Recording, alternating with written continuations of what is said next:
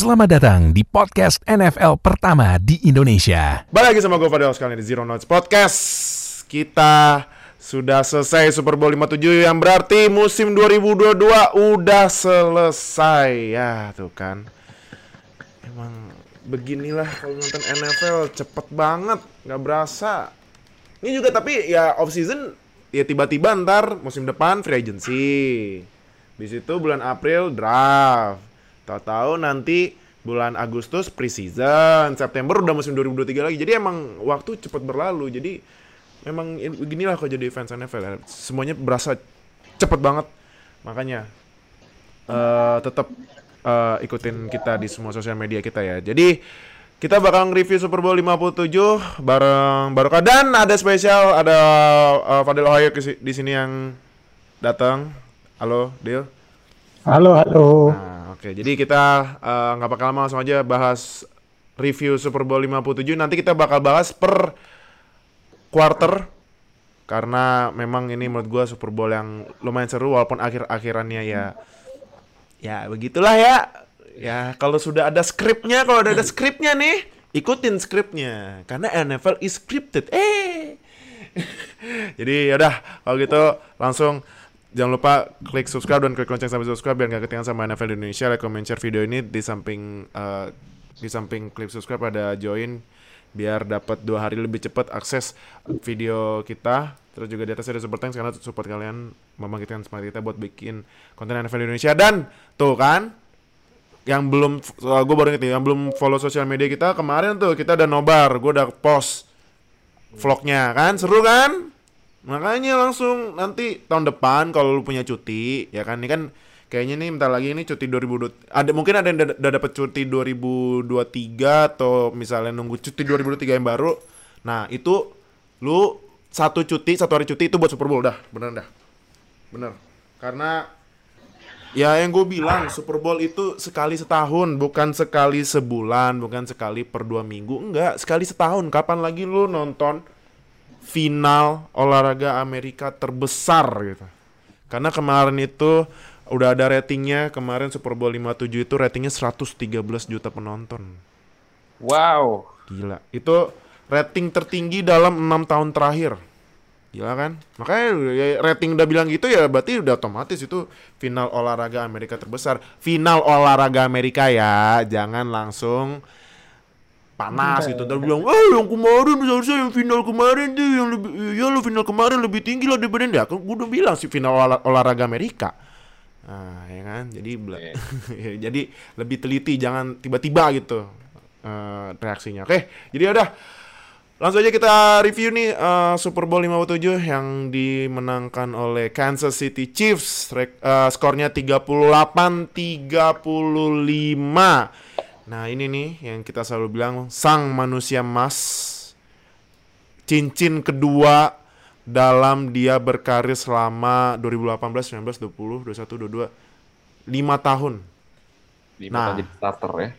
Sebelum gua mulai review per quarter, gua mau nanya ke lu berdua. Ini kan kemarin udah banyak yang bilang nih, bak- bahkan Peyton Manning pun yang bilang nih, kalau Mahomes menang di Super Bowl 57 dengan li- dalam lima tahun aja prestasinya segudang, dua kali MVP, lima kali eh Mahomes 2017 ya?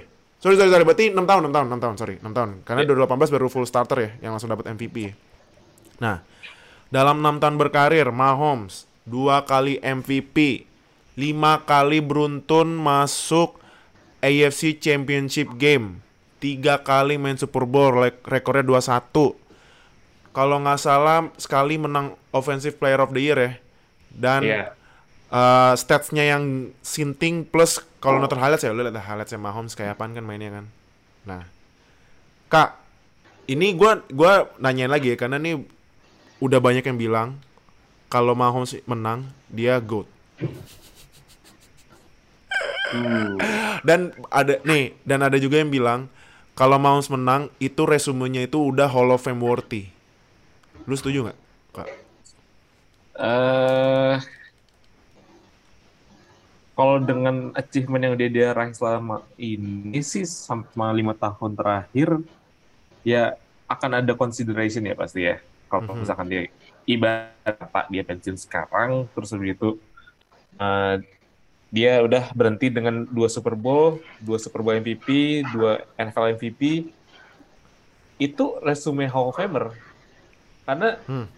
untuk uh, QB-QB yang lain pun yang masuk Hall of Fame juga nggak semuanya yang punya multiple MVPs, multiple Super Bowls, terus juga multiple multiple Super Bowl MVPs, terus punya ya Pro Bowl juga cukup lah dibandingkan beberapa QB yang lain dan hmm. longevity uh, yang bisa dibilang kayak durasi main itu juga sekarang udah mulai dipatahin tuh sama uh, ya Hall of Fame inductee yang baru-baru ini. Hmm.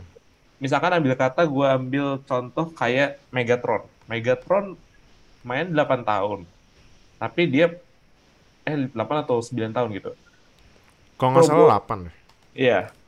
Dan dia masuk uh, Pro Bowl sekitar 6 uh, 5 6 kali lah, 6 kali. Mm -hmm. Itu udah first ballot loh.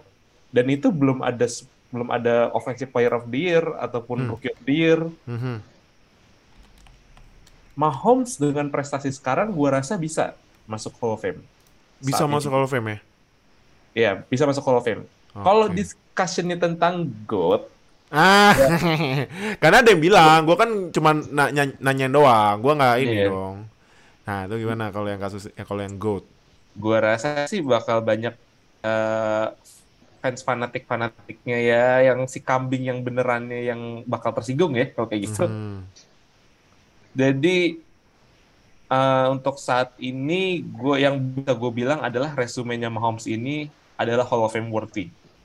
Hall of Fame worthy ya? Hall of Fame worthy. Oke. Okay. Apa bisa dibilang GOAT? Gua rasa belum saatnya. Belum saatnya. Oke. Okay.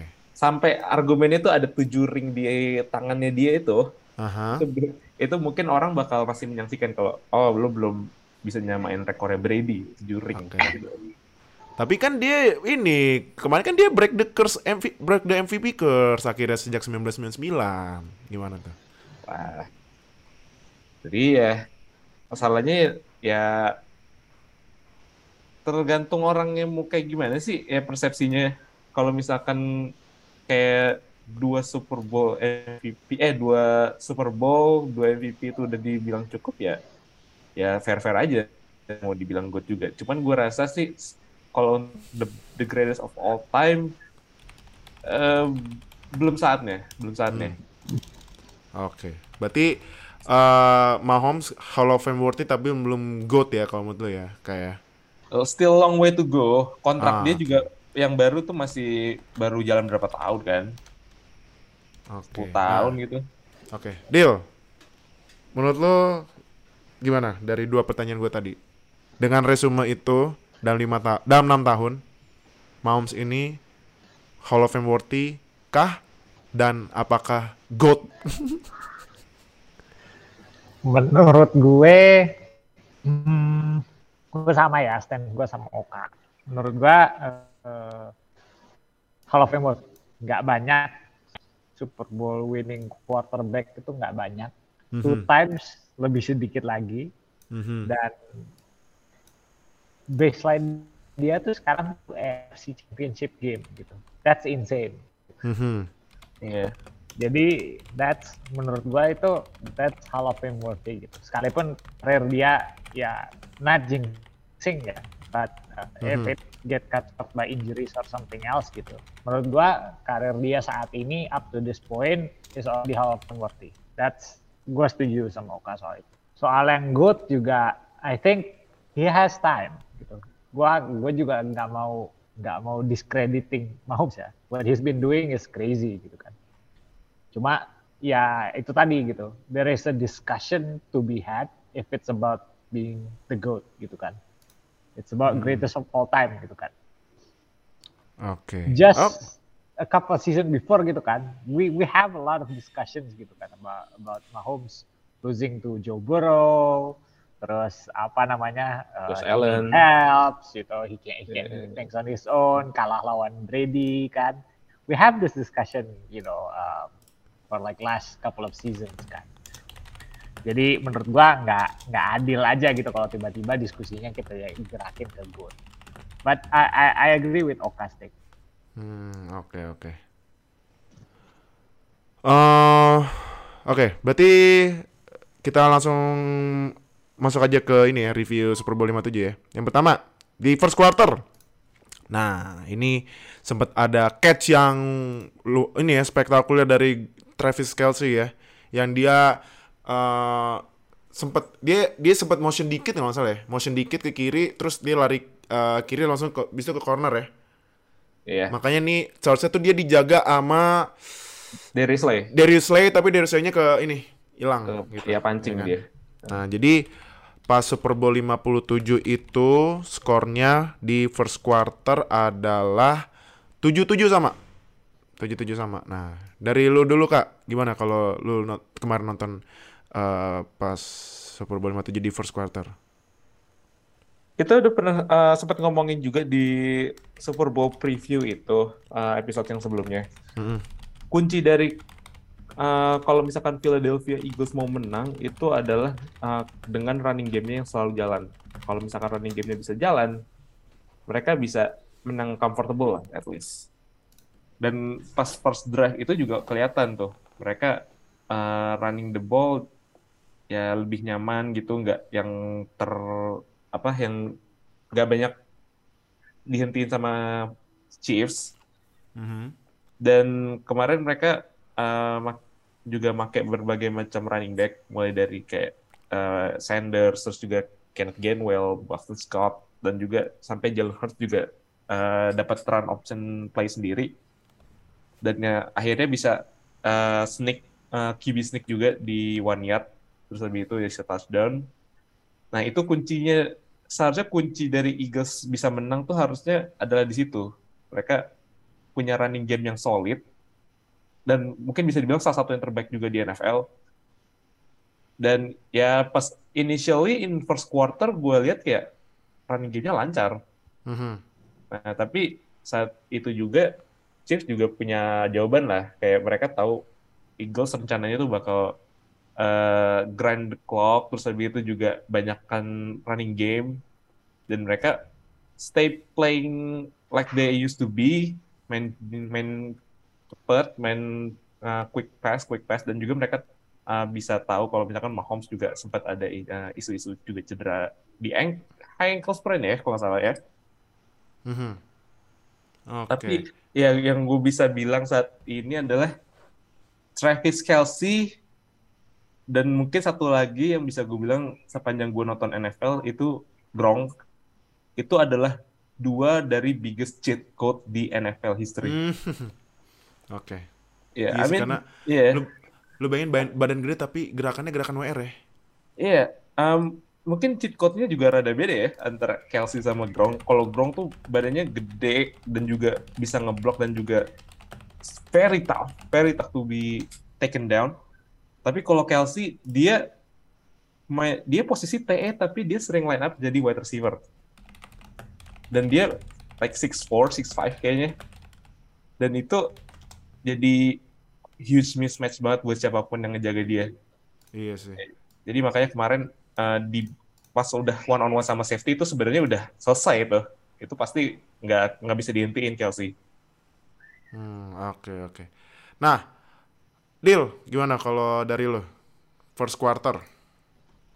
First quarter menurut gua openingnya ini ya, openingnya halus menurut gua ya.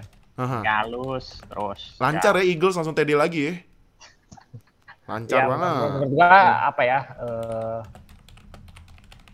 selain opening juga sampai akhir juga menurut gua sebenarnya offense-nya dua-duanya hampir nggak ada sama sekali kan. Kayaknya sampai akhir ada berapa pan gue bisa ngitung deh.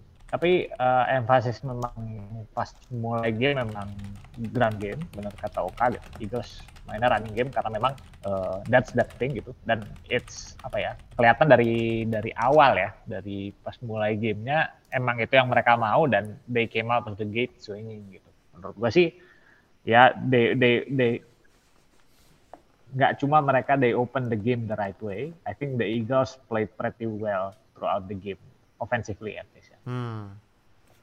Terus ya sebenarnya kalau dibilang KLC ngapa-ngapain sebenarnya nggak by volume by, by volume ya sampai akhir game pun menurut gua Chelsea didn't really do that much gitu maksudnya he did some things terus ada catch ini itu segala macam terus touchdown but it's not like Eagles ngebiarin Chelsea do whatever he wants juga gitu menurut gue ya Ya, ya. It's- they they do some things lah Oke, oke. Nah, jadi itu eh, first quarter di 77 ya. Terus masuk ke second quarter. Nah, ini second quarter itu skornya eh, Eagles nambah 17, Chiefs nambah 7. Jadi first half itu Eagles mimpin 24-14. Terus gue sempet lihat notifikasi katanya di Super Bowl tim yang mimpin double digit di first half itu rekornya 26-1. Tahu kan satunya siapa udah ya? Gak usah, gak usah, di- gak usah dijawab. Tahu lah satunya siapa ya? Iya, Tahu lah iya. ya. Nah, Iya. Tapi sebelum gue mau bahas uh, halftime, ya kalau halftime show nggak usah dibahas ya udah, udah keren lah ya itu. Karena bukan di kita juga. Terus kalau kita protes dikit, kenal ini lagi. tapi di second quarter kan itu sempat ada catch-nya AJ Brown ya yang dia ke kiri ya, yang nangkepnya diving gitu. Iya. Nah, lu dulu deal. Second quarter gimana kalau lihat? second quarter ini menarik ya. Menurut gua ada ada banyak kejadian di second quarter gitu. Dari yang fumble Oh, kayaknya dulunya di second quarter guys. Gue ingetnya pas tengah-tengah game pokoknya. Ada yang Iya. fumble jadi touchdown terus Ah, ah. Yang fumble itu, yang fumble di second quarter nggak salah ya? Si Second Jalen quarter Nick Bolton. Eh, Iya, makanya- Ya, Nick Bolton yang scoop and score kan? Nah, terus gue inget banget tuh second quarter tuh adalah gue ngerasa pas di mana Chief nggak pegang bola lama banget. Iya, Beda. iya. Kalau salah Chiefs itu Hampir. megang bola di first first half itu cuman 8-9 menit ya. Kalau nggak salah ya. Iya, jomplang jomplang banget sih possession-nya. Memang memang game plan-nya Eagles kayak gitu ya. Cuma eh, kayaknya Chiefs tuh sekali itu ngepan, terus habis itu Eagles pegang bola lama banget. Yang satu gara-gara si fumble itu. Jadi habis possession Eagles, possession Eagles lagi dan possession Eagles tuh dua-duanya tuh panjang gitu. Mereka majunya pelan-pelan running game maju-maju maju. Jadi kayak ya hampir nggak megang bola sama sekali sih ingat gua si second quarter tuh Chief. Hmm, oke. Nah, kalau Luka gimana second quarter? yang bisa gue bilang adalah salah satu pivotal momennya itu yang yang cukup krusial ya fumble scoop and score itu dari Nick Mhm. Bolton. Karena itu kayak eh, walaupun sebenarnya pas setelah itu mereka Eagles tetap eh, score touchdown tapi kayak itu ketika itu mereka iramanya lagi bagus banget tuh. Mereka main still playing sabar terus habis itu Mhm. juga main gain few yard viewers dari rushing juga terus habis itu uh, Jalen Hurts juga still pretty much dealing gitu. Tapi that one moment itu satu bola lepas itu dan itu langsung 6 poin. Gua rasa sih itu salah satu pukulan telak juga ya, pukulan telak pertama juga buat Eagles. Iya.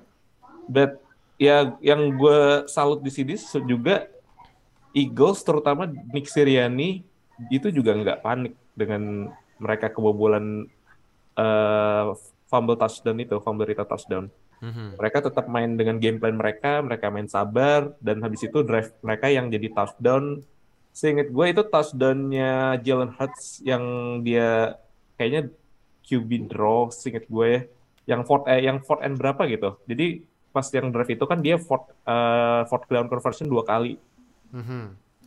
dan itu gue rasa itu salah satu play call yang benar-benar berani juga dari Nick Sirianni dan juga Jalen Hurts juga ya dia berani juga untuk ambil play untuk uh, making plays Hmm. dan itu ya cukup berhasil uh, setelah itu. Karena drive-nya itu sing, uh, di sini gue lihat dia makan waktu sekitar 7 menit lebih 12 plays. Dan itu bisa bikin uh, touchdown itu salah satu game plan mereka juga sih. Mereka grinding the clock dan juga ini yang tadi udah dibilang sama dia juga ini untuk mencegah supaya Mahomes tidak masuk lapangan. Ah, oke, oke. gitu. Nah, eh di first half 24-14. Eh, Kak, pas first half lu ada keyakinan nggak gitu Eagles bakalan bisa menang Super Bowl? Ab- karena kan lu lihat kan di first half itu Eagles megang bola lama banget kan. Iya. Dan gitu kalau nggak salah Patrick Mahomes juga di second quarter kakinya kena kan ankle-nya ya? Iya itu pas pas banget sebelum Iya kan pas sebelum pas pas half, banget ya, last possession kan? Iya, Iya. iya. Iya. Terakhir sebelum halftime. Nah, lu Panik gimana tuh. kak pas lihat kayak gitu? Mahomesnya kaki kena, Eaglesnya walaupun kasih turnover tetap bisa nge-score. Lu sempet yakin gak Eagles bisa juara? Waktu itu gue nggak begitu tahu seberapa parah cederanya Mahomes, kambuhnya seberapa. Tapi gue jadi lebih yakin dengan Philadelphia saat itu karena ya selama saat first quarter, second quarter itu Philadelphia Eagles lagi bener-bener on the sing banget, lagi on rhythm. Mereka runningnya lancar, passingnya juga still masih lancar juga. Dan ya gue rasa sih gue juga melihatnya kayak oh man Chiefs won't make it kalau nggak ada Mahomes. Chiefs won't make it kalau nggak ada Mahomes. Jadi kalau misalkan yang di yang gantiin Mahomes start Chet Henny masuk second half itu gua rasa hasilnya akan beda. Heeh. But kudos juga buat Mahomes dia eh, maksa main dan eh, he play balls out lights out di second half. Hmm, oke. Kalau lu deal gimana deal? Setelah lihat first quarter itu, lu sempet yakin gak Eagles bakal menang? Double digit Gua nggak, lagi. gua gua nggak nggak tahu ya. Gua ngerasa no lead is safe against Mahomes gitu kan. Dan apa ya? Gua sebenarnya nggak ngelihat eh, Eagles defense making a play juga gitu kan. Itu aja sih yang gue ada ketidakyakinan terhadap Eagles karena oh sama apa playing surface-nya kerasa ya. Jadi kayak banyak yang kepleset segala macem terus jadinya gue ngeliat kayak Eagles defense-nya nggak nggak ada nggak ada pressure ke Mahomes. Mostly itu yang gue lihat ya pas gue ngeliat. Kalau gue ngeliat gue lihat Eagles bisa menang pas halftime tuh. Cuma ya itu tadi sih apa namanya defense-nya nggak ada apa-apa gitu kan. Lebih ke siapa yang bakal make a play aja on, on- on the defensive side gitu. Menurut gua sih kayak gitu take gua pas eh, masuk halftime. Hmm, oke. Nah, eh terus halftime show dari Dane menurut gue keren dan ya maklum lah ya nih fansnya lumayan ya. Jadi kita lanjut aja ya, moving on aja ya. Ya, ya. moving on aja. Nah, third quarter ini dia pertama yang langsung mulai banyak perdebatan ya. Ya kan? Iya. Apalagi nih yang gue bilang, gue nonton, gue bi- sampai bilang jangan sampai ini kejadian Des Bryant kejadian, eh kejadian lagi dan ternyata bener. Bener loh, ya kan? Kak, lu setuju nggak sama ini yang di sama wasit dibilang nih nggak catch karena pas lagi jatuh bolanya ya gerak Goyang. dikit, tapi ya menurut gue itu catch. Cuman kata wasit nggak catch, makanya itu gue bilang nih, nih Des Bryant sih, Des Bryant moment sih. Lu Ah, gimana kak? Reaksi lu? eh gue lupa eh, ini kalau salah Devontae Smith yang yang nge-catch ya. Mhm. Devontae Smith nge-catch terus lebih itu gue lupa juga pas gue liat replaynya itu apakah dia udah uh, two step juga udah gain possession atau belum kalau waktu itu sih gue liatnya kayaknya ya 50-50 juga sih 50-50 juga karena Mhm. eh, s- karena itu juga two stepnya juga dia tipe yang kenceng juga sih yang susah kelihatan kayak mata telanjang gitu. Tapi kalau misalkan ini play berhasil itu that's a huge gain buat Eagles karena mereka jadi masuk ke eh, red zone terus udah tinggal berapa belas yards lagi sampai end zone dan itu ya akan jadi huge advantage juga buat Eagles. Tapi ya eh, the call won't stand jadi incomplete akhirnya ya nggak dapet lah ini big play-nya buat Hurts sama Devontae Smith. Iya, habisnya. Tapi menurut lu itu catch ya? eh Gimana menurut lu? gue mencoba mengingat-ingat ya apakah itu pas waktu itu gue nonton udah sec- second step juga jadi udah masuk possessionnya Eagles Aha.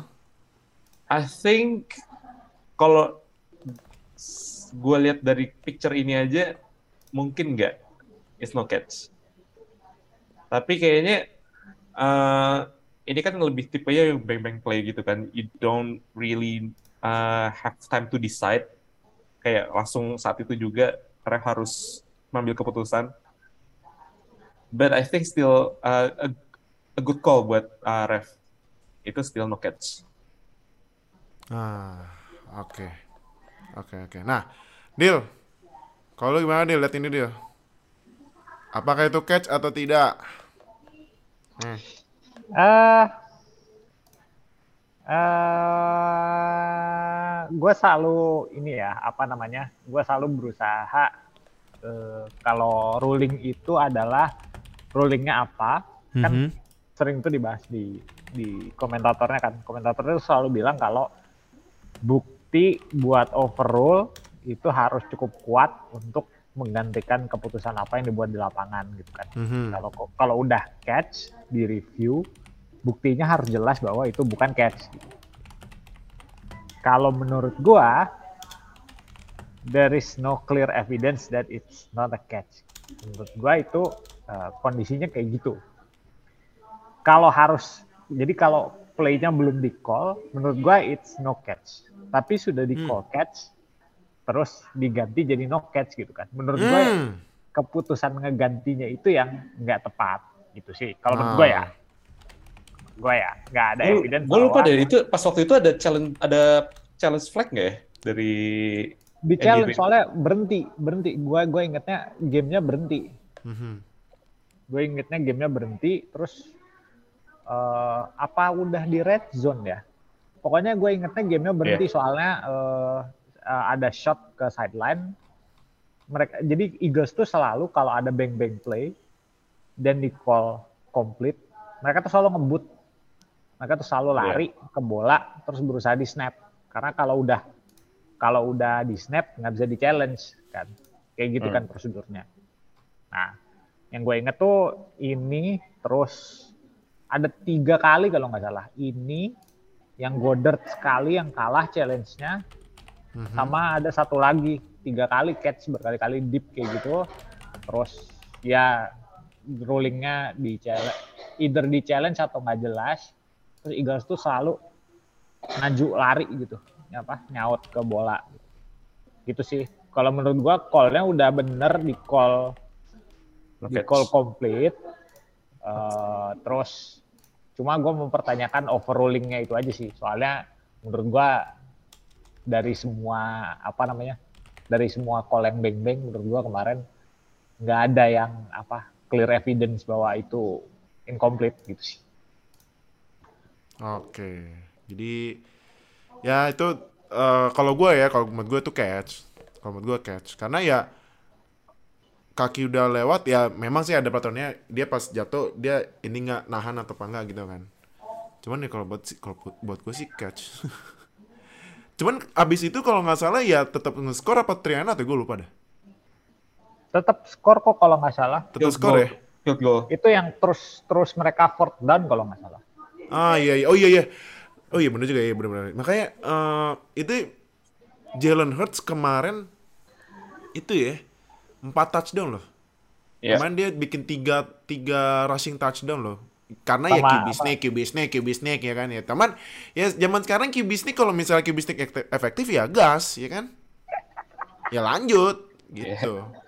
Ya it beda not, ya kan? beda kayak Tyler Huntley aja sih sebenarnya. Ya, Tyler Huntley mah udah tahu reach-nya nggak jauh, ngapain loncat, ngapain nggak lihat bawah. Yih. Nah, oke. Sekarang kita ke fourth quarter. Nah, ini fourth quarter. Chiefs ngejar ya. Ya. Chiefs ngejarnya di ya fourth quarter 17 poin jadinya menang 38-35 dengan field goal di detik-detik terakhir. Tapi yang pasti yang kita bakal bahas adalah sebuah penalti yang menjadi topik netizen ya. Nih. Eh belum belum, tapi belum ini. Ini dulu, ini dulu ya. Sebelum ini ya, sebelum, sebelum yang itu ya. Lu lihat pan return yang ini gimana reaksi lu? Karena pas nobar kemarin di Amerika gila sih pada teriak-teriak sih loncat-loncat semua. Gua nyampe, gua nyampe Serius anjir bisa gini. Lu gimana kak? Lihat reaksinya. Lihat, ah gimana reaksi lu? Sorry. Gue sempat mikir ini. that could be return to the house loh. Gue pikir gue pikir tuh bakal jadi return touchdown. Ah. Tapi kayaknya tahun ini juga agak eh, berhenti sedikit. Agak agak ya slowing down Mhm. Dan habis itu ya jadi ya dia di tackle keluar kayak sekitar 2 around 20 yards lagi di dalam 20 yards. Tapi itu eh satu lagi yang bisa kita bilang kalau special teams matters gitu. Special teams bisa ngasih kontribusi lah buat sebuah kemenangan tim. Mhm. Kemarin ke Darius Tony juga nggak cuman bikin return yang cukup eh, yang benar-benar big gain ini, yang big play juga, tapi dia bikin bikin satu touchdown kan. Iya, Ini- kemarin Tony sempet ini yang touchdown di kanan kan. Jelas Iya. itu playnya playnya keren sih menurut gua. Bener-bener kosong masalahnya. Jadi eh, ada dua touchdown yang sebenarnya secara play itu sama eh, in motionnya antara Mhm. yang touchdownnya eh, ke Darius Tony sama Sky Moore. Eh Mhm. Sky Moore. Eh iya Sky Iya, Moore. ya? Skymore, Skymore. Skymore, Skymore. Sky Moore.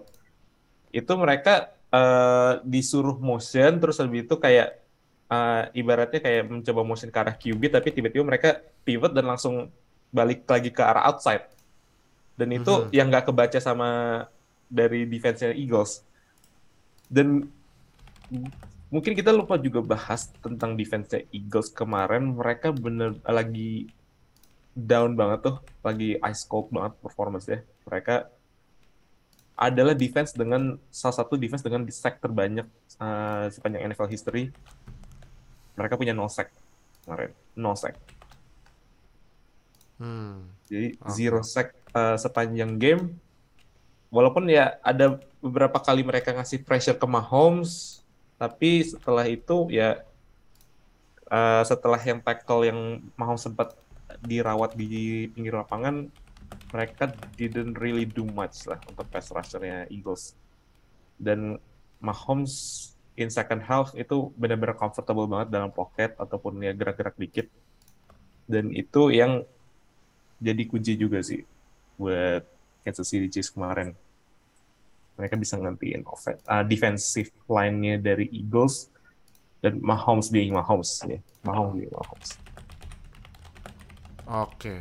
Oke. Nah, deal. Kalau uh, pasti reaksi lu kalau lihat ini juga ini ya uh, kaget lah ya. Tapi gue mau nanya yang ini. Tenong. Nah, gue zoomin ya. Deal, menurut lo ini holding apa enggak? Enggak. Enggak. Kenapa? Apakah ya itulah skripnya atau gimana buat lo? Enggak, menurut gua uh, it doesn't really kemarin tuh gua baca juga katanya ada yang bilang sebenarnya kalau menurut gue ya, gue merasa holding itu adalah uh, atau penalti yang kayak gini ya, defensive pass interference itu bagian un- apa underlying apa underlying Rules ya. rules-nya adalah itu mengganggu pemain offense. Menurut gua there is nothing yang diganggu dari uh, Juju. Terus yang kedua juga gua rasa it's very close to line of scrimmage atau bahkan mungkin di minus kali ya yardage-nya. Itu di bawah line of scrimmage. Menurut gua ya, gua sih ngeliatnya kayak gitu. Terlalu sedikit kontak untuk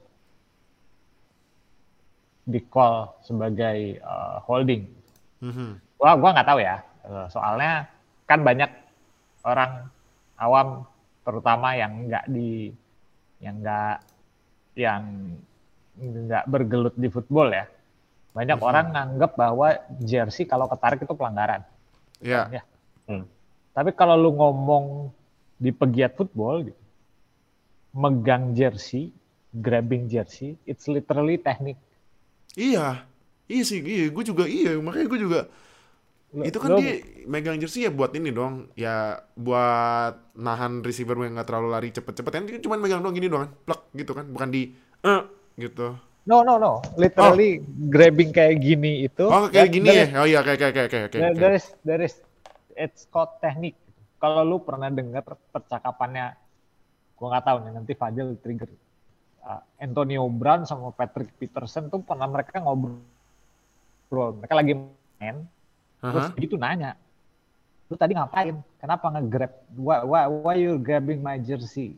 What kind of technique is that? Bro? Oh, iya iya iya iya iya iya iya. iya, kata kata Patty, ya ya, I'm not showing it to you before, but uh, I've been I've been practicing. Mhm. Jadi bahkan di antara pemain pun there are things gitu ya. Kayak kalau salah satu pegiat offensive line yang gue ikutin di Twitter tuh, kalau lu mau if you want to commentate the way you commentate from your couch gitu ya. Artinya kalau lu ngomentarin call tuh kayak lu ngomentarin dari rumah gitu ya. Kita nonton gitu. Lu akan nge-call holding di untuk offensive line setiap play. It's it's literally what they do gitu. Yes. Artnya, seninya adalah perbedaan tipis antara bakal di call sama wasit apa enggak gitu. Iya. Gitu menurut gua ya. That that's just my take.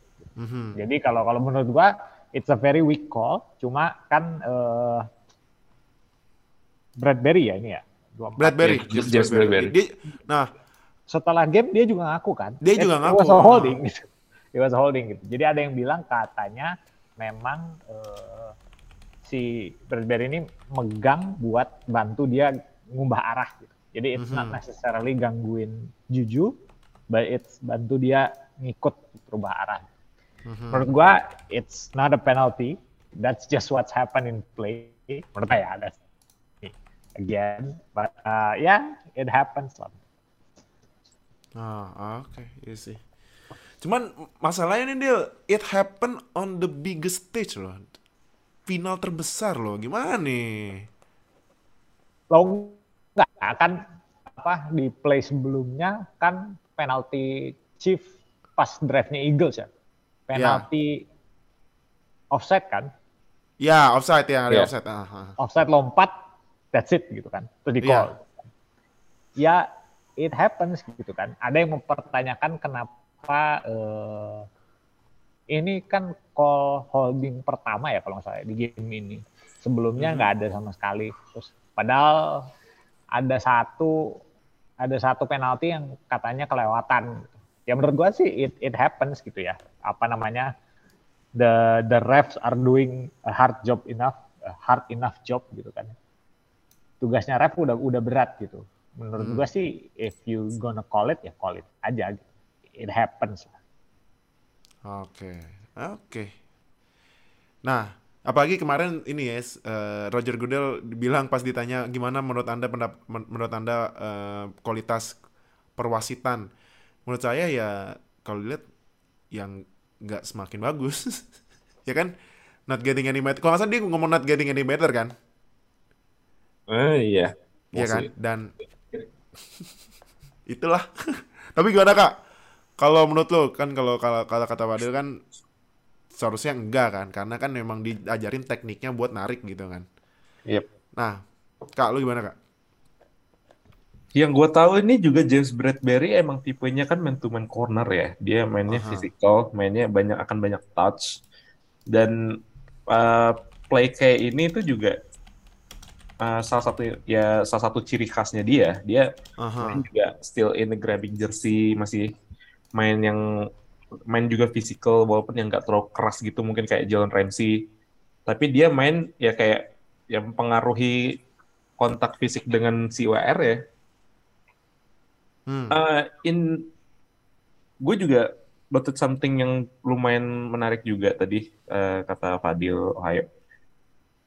Beberapa play yang harusnya bisa di call penalty sebelumnya dari uh, Chiefs ataupun Eagles terkait dengan holding ini juga nggak di call sama ref. Dan ya beberapa yang seharusnya emang kelihatan banget holding call itu juga mereka kayak biarin aja gitu. Mereka let it play gitu nggak Mhm. mempengaruhi play juga. Gue lupa ini uh, Juju akhirnya ditarget pas di play ini atau enggak. Tapi kalau misalkan dilem- dilempar ke Juju ya berarti ya Iya. kejujunya. Nomor nggak kejujuh kok. nomor. Ya.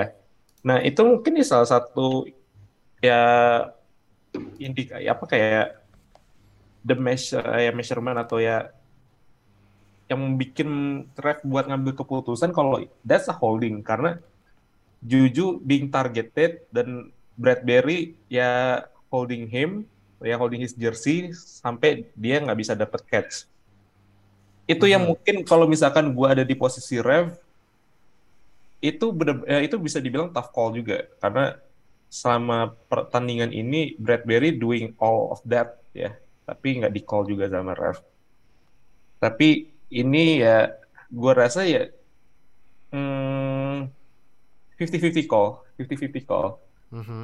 jadi bisa di call no uh, bisa di call no holding tapi bisa juga ya dengan kejadian ini yaitu holding penalty jadi ya emang pressure-nya itu bener-bener kentara banget sih. Karena itu skornya lagi 3-5 sama. Chief lagi driving down the field. Terus habis itu juga display kalau misalkan di call penalty itu bisa ngubah segalanya. Itu bisa Mas Chief udah Chief juga di sini juga udah masuk ke field goal range. Mhm. dan ya ini jadi lebih mempermudah mereka untuk mencetak skor. Jadi Hmm. emang pressure-nya tinggi. The call uh, can go uh, either both ways. Tapi ya in the end emang agak mengecewakan aja sih kalau misalkan saat pertandingan yang seseru ini tuh akhirannya kayak gini. Dipengaruhi oleh call. Tapi ya ya gue rasa sih ya emang susah juga untuk nentuin apakah ini holding atau enggak. Mhm. Mungkin kalau dilihat dari jersey-nya ya ya ref melihatnya kayak he still tuck the uh, tuck the jersey that means that it's a holding penalty. Hmm. Itu yang mungkin mereka lihat.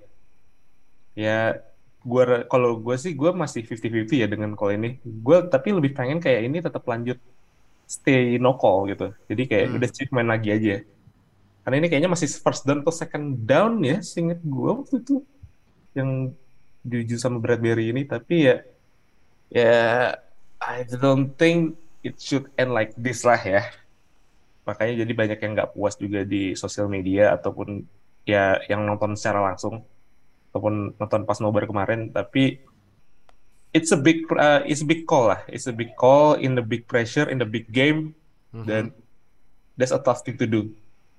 Walaupun gue tetap menyaksikan kualitas ref juga kayak Gudel, tapi ya, ya it's part of the game lah, it's part of the game. Call yang bisa merugikan lo atau menguntungkan lo ya semua NFL game pasti akan ada. Hmm, oke. Nah, eh, jadi pastinya ini banyak ini ya, banyak eh, perdebatan ya walaupun James Bradbury udah ngaku dia holding cuman ya pasti ya namanya juga netizen lah ya. Jadi akhirnya Chiefs juara Super Bowl 57 dan Chiefs dapat cincin ketiga ya di Yep. sejarahnya nih eh, manusia emas dapat cincin kedua, Andy Reid juga cincin kedua. Menurut lo, Deal, musim ked- musim depan apakah Chiefs kembali masuk AFC Championship dengan skripnya? Apa gimana deh? Nih, AFC eh, Chiefs. Eh, tapi eh, maksud gua nih, maksudnya maksud gua gini. Menurut lo apakah Chiefs musim depan tantangannya bakalan lebih gede karena ya lu tau lah ya eh, QB-QB di AFC makin QB-QB di AFC makin banyak yang muda dan bertalenta tinggi ya kan. Jadi eh, kompetisi AFC makin berat gitu. Ya walaupun di divisinya ya lawannya paling cuman Herbert, sisanya yang satu ini left right, tapi QB. kan dapat Sean Payton ya kan. Yang satu lagi menunggu apakah Aaron Rodgers mau ke Las Vegas. Dark Eh. retreat, dark retreat. Tapi gimana menurut lu? Apakah Chiefs musim depan tantangannya bakal lebih berat? Ah, ya dan enggak menurut gua Enggak ya? musim ini menurut gua udah membuktikan bahwa Mahomes is on another level gitu kan ya. It's it's the quietest 5,000 yard season. We we didn't Iya hear iya sih, iya anything bener juga about ya. Iya sih. Iya sih we bener hear anything setuju sih. about it, man. Iya iya iya iya iya. He lost uh, Tyreek gitu kan. He put up 5K. I was like, what? No one is talking about this. Iya sih, iya bener juga ya. Lima, Ya, mungkin karena lima ini ya, tanpa Tyreek Mungkin ya. mungkin karena di gak terlalu banyak dibahas karena 17 games ya. Jadi mungkin, mungkin. ya karena mereka melihatnya kayak 17 games is not the same as 16 games stats gitu loh. Jadi Iya 5 sih, ribu iya sih, iya. passing yards di 16 game lebih bagus dibandingkan 17 games. But ya, ya bener good point sih sebenarnya. It's like kan banyak orang yang mulai mempertanyakan gitu kan ah, apa namanya who's the MVP who's the MVP Justin Jefferson Ah, I think ah. we're, we're seeing uh, voters fatigue ya dengan dengan dengan Mahomes gitu. Orang udah mulai bosan gitu. They're setting the standards too high for Mahomes. He's really good gitu. Dan I expect him to be good for years to come gitu. Jadi memang for now, eh, and it has been for a while now kan. Menurut gua Chiefs is the class of AFC gitu. Mereka belum pernah nggak nyampe AFC Championship game. So that's what expected from them now gitu. We we don't really apa namanya mereka nggak nggak nggak peduli who's, who's the other AFC contender gitu. They set the bar to reach the championship game and they have successfully done so for the past five years. gitu kan. It's insane. Tapi ya gimana gitu. They're, they're, they're the best team. Eh, Well, it's bisa dipertanyakan lah ya best team atau enggaknya. But they have the best quarterback and that's always a good thing to have. Hmm, oke. Nah, Kak, siapa nih? Siapa yang bisa menghentikan Mahomes musim depan? Who? Siapa? Oh. kan Apa apa ini? Texans, Apa Texans. Bryce Young? Weh, weh, About- apalagi kan baru dapat ini legendnya. Weh, langsung Yeah. dipakai topinya anjir. Eh, ini ini yang akan dipakai oleh Bryce yang nanti pas lagi draft ya. Idi sadis. Sadis. Eh, Gimana, gimana, gimana? Iya. Tapi gimana menurut lo? kandidat yang paling kuat sih tetap ada di Bills sama Bengals ya. Tapi eh, kalau untuk Bills itu mereka trajektorinya lagi agak mengkhawatirkan karena ya ada story tentang Josh uh, Stephon Diggs dan juga Josh Allen Mhm. terus lebih itu juga kayak offense mereka nggak senendang ketika OC-nya masih brandable dan ya mereka cara maintain roster mereka saat ini tuh kayak gimana ntar? Kayak Mhm. mereka eh, sekarang har- akan harus bayar beberapa pemain mereka yang kemarin masih rookie kontrak juga kayak Gabe Davis terus habis itu juga. Kayaknya ada beberapa kontrak yang mereka harus extend. Jadi tantangannya ada di situ Bengals juga eh, walaupun mereka sekarang mungkin posisinya masih lumayan stabil. Mereka masih ada eh, Burrow, Chase, Mixon still in under contract. Higgins Higgins uh, akan minta kontrak baru so uh, beware. Tapi saat ini yang paling mendekati dan bisa nantangin Chiefs memang masih Bengals ya. Mhm. tapi gue juga expect beberapa tim lain untuk bisa catch up sedikit, sedikit demi sedikit.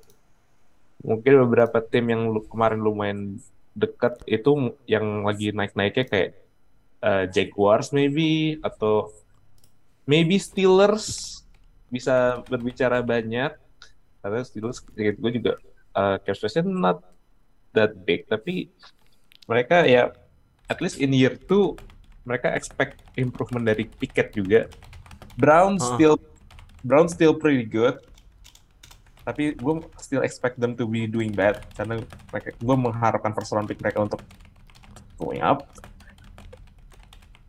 Oke, oke, oke, oke. Nah, jadi gimana menurut kalian? Siapa yang bakal berhentiin Mahomes di musim 2023? Nah, ya udah langsung bahas di komen atau misalnya mau bahas sama kita sambil chatting bisa di join di Telegram itu semua link-link sosial media kita udah ada di deskripsi video ini. Jadi, itu review buat Super Bowl 57. Thank you Baroka sama Fadil udah join. Nah, jadi jangan lupa tahun depan the countdown is on. Berarti kan di Amerika 11 Februari, berarti di kita 12 Februari 2024. Nih, gue udah ngingetin dari setahun yang lalu ya, dari setahun, eh bukan setahun yang lalu, dari setahun yang akan datang maksudnya. lu kalau punya cuti, pakai itu satu cuti, satu hari cuti buat nobar Super Bowl dah. Dah. Ya, Nah, jadi iya, nggak ada betul. alasan lagi ya kalau misalnya, duh gue nggak sempet urus cuti lah, gue udah ingetin dari setahun sebelumnya, ya kan? Nanti gue bakal ingetin lagi pas Januari, pas playoff, gitu. Jadi jangan lupa Super Bowl 58 mainnya di Stadion Raiders di Las Vegas, tepatnya di Allegiant Stadium. Jadi thank you yang udah nonton dan dengerin. Sampai ketemu hmm, kapan ya? Mungkin mungkin Di mungkin off season. Oh, off season kita bahas ini lah. Bisa. Apa? Oh, mungkin iya. kita bahas ini apa? eh, breaking news eh, ini ya, transfer pemain yang bombastis apalagi nih sebentar lagi, sebentar lagi nih Derek Carr kemungkinan besar bakalan dirilis sama Raiders. Wow. Nah, sebelum sebelum tutup deh, sebelum tutup deh, sebelum tutup prediksi prediksi lucu-lucuan aja, Kak. Derek Carr kalau dirilis siapa yang bakal ngambil? kandidat terkuat saat ini ada Washington yang mungkin bisa ambil. Ada tim kayak Saints, walaupun sebenarnya kemarin uh, Raiders sempat nawarin Derek Carr ke Saints, tapi Derek Carr juga nggak mau. Tapi mungkin emang taktiknya Saints aja biar mereka bisa dapat tanpa harus nge-trade picks. Terus juga quarterback, quarterback, quarterback. I don't know if Jets will be in the run for it. Tapi kalau misalkan mereka nggak dapat Aaron Rodgers, salib sama Raiders, mereka pasti akan ambil Derek Carr. Mhm.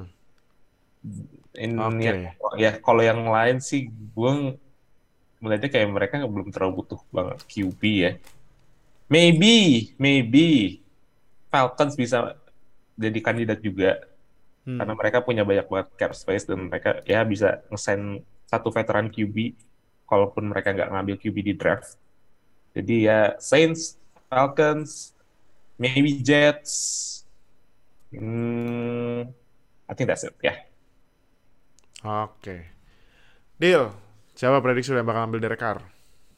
I have no idea. Nggak tahu ya. Eh, maybe Jet, Saints, I don't know. Nggak tahu Hmm. juga kan eh, apa namanya. Eh, kalau dirilis semua orang bisa ngambil ya. Bisa. Ya. Ya, I don't. Kalau dirilis dia suka-suka dong mau ke ke mana, ya kan? Kan Benar. udah jadi unrestricted. Iya. Benar. Tapi Carr dari West Coast kan ya. Dia ada Fresno, terus di Oakland sempat kan. Las Vegas. Ya, he's always been West Coast. So maybe biasanya orang kalau udah kayak gitu nggak mau nggak mau nggak mau cross country. Nah, itu ya capek ya. Apalagi kalau misalnya iya. kota-kota gede, pajaknya gede biasanya ya. Tapi masalahnya West Coast udah pada ada QB-nya semua itu. Nah, ini iya. Eh, Pajak Florida nggak ada. Oh, Florida. Nah, siapa Oh. tahu ke Tampa, Bay. Bay. Iya lagi. Iya lagi gak kepikiran tuh. Siapa tahu kan? Nah. Opa Brady, warisannya Opa Brady gitu. Yo, Iya, macam-macam. siapa tahu kan. Nah, jadi udah. Ke mana kah Derek Carr akan pergi? Nanti kita tunggu breaking news aja. Jadi thank you yang udah nonton dan dengerin. Sampai ketemu nanti di off season. Uh, kita bakalan bikin podcast ini ya.